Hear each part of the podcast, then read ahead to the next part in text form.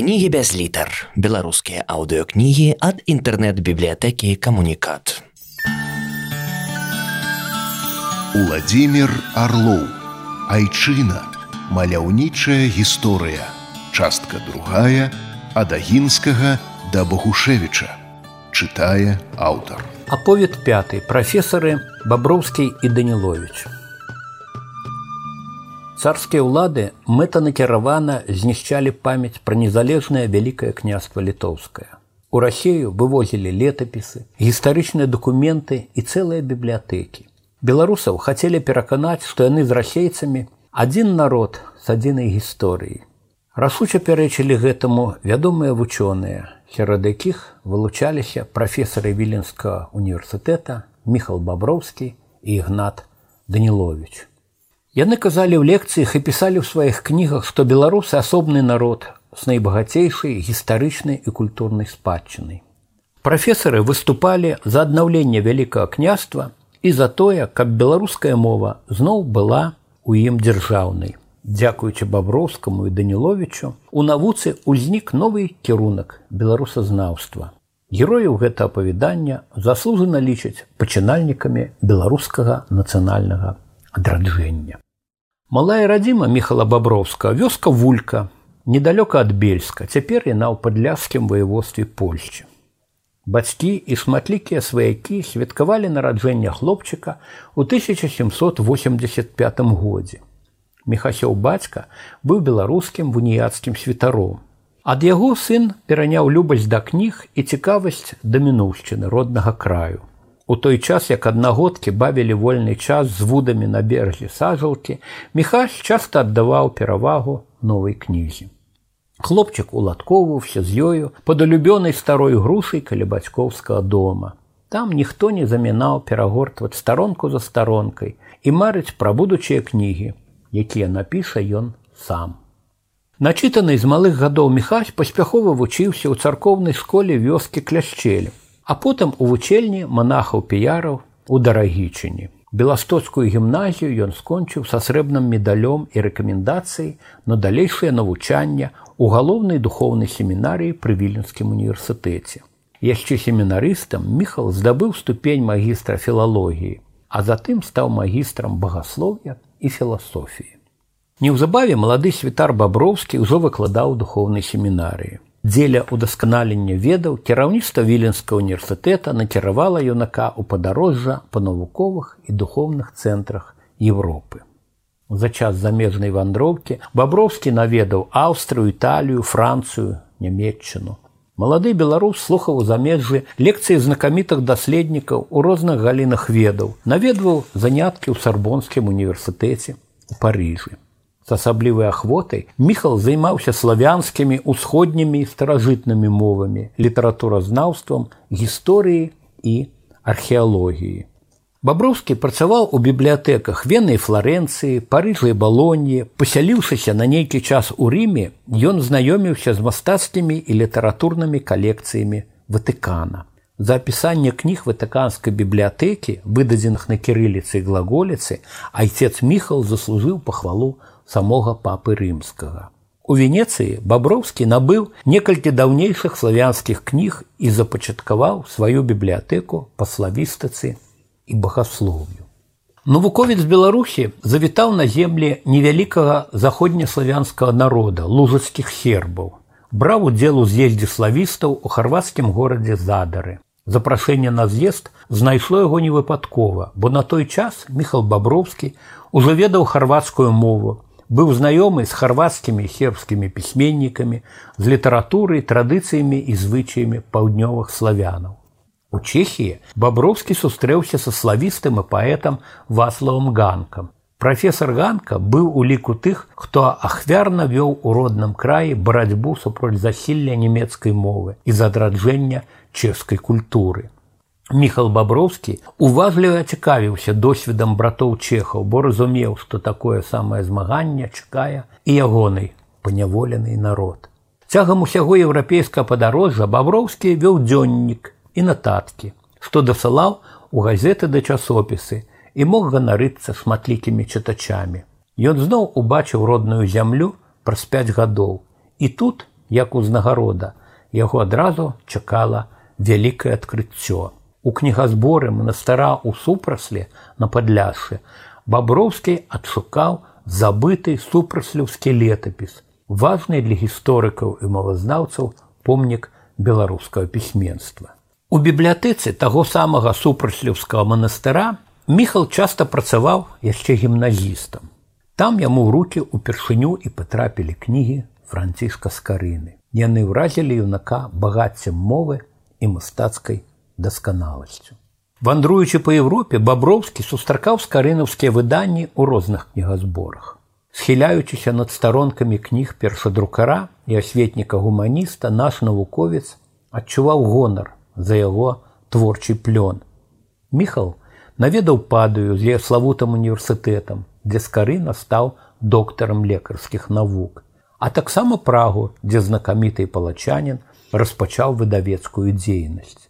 З вялікім хваляваннем баброўскі хадзіў па тых самых вуліцах, наведваў храмы і аўдыторыі, што памяталі францішка з полацка. Вучонаму адкрылася веліч скарыны, які нудракаваў чацвёртую ў хрысціянскім свеце біблію на жывой мове і гэтым увёў беларусаў ліцвінаў у сям'ю перадавых еўрапейскіх народаў. Баброўскі лічыў, што беларуская мова павінна вярнуцца ў шырокі ўжытак, бо толькі з родным словам на вуснах беларусы змогуць напоўніцу раскрыць свае творчыя сілы. Даследаваннямі скарынавай спадчыны міхал баброўскі нанова адкрыў для суайчыннікаў і для ўсяго свету імя беларускага і ўсходнеславянскага першадрукара, духовнага волата эпохі, названай еўрапейскім адраджэннем. Менавіта баброўскі быў першым, хто вызначыў мову скарыны як беларускую.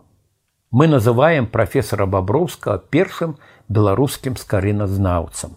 Звесткі пра скарыну, Ён збіраў усё жыццё і ўключыў у кнігу славянскія друкарні ў літве. На жаль, гэтая кніга так і засталася ненадрукаванай і дагэтуль не знойдзеная. У царскай імперыі на такія працы глядзелі падазрода, бо яны нагадвалі паняволеным беларусам пра былую незалежнасць.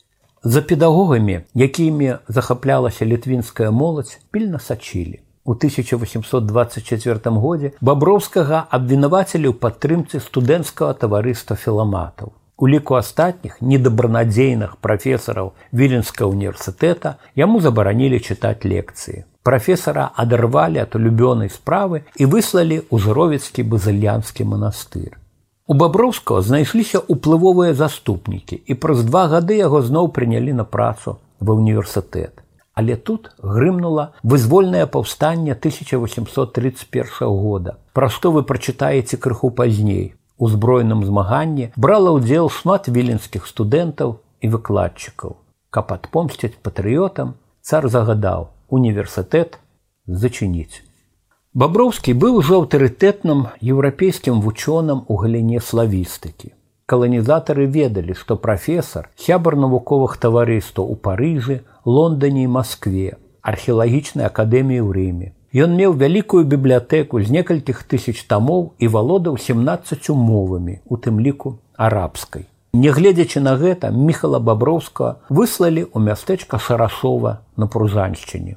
Там ён служыў святаром, аднак не пакідаў заняткаў навукай свае казані ў царкве айцец міхал нязменна прамаўляў па-беларуску, чым здабыў у вернікаў вялікую павагу.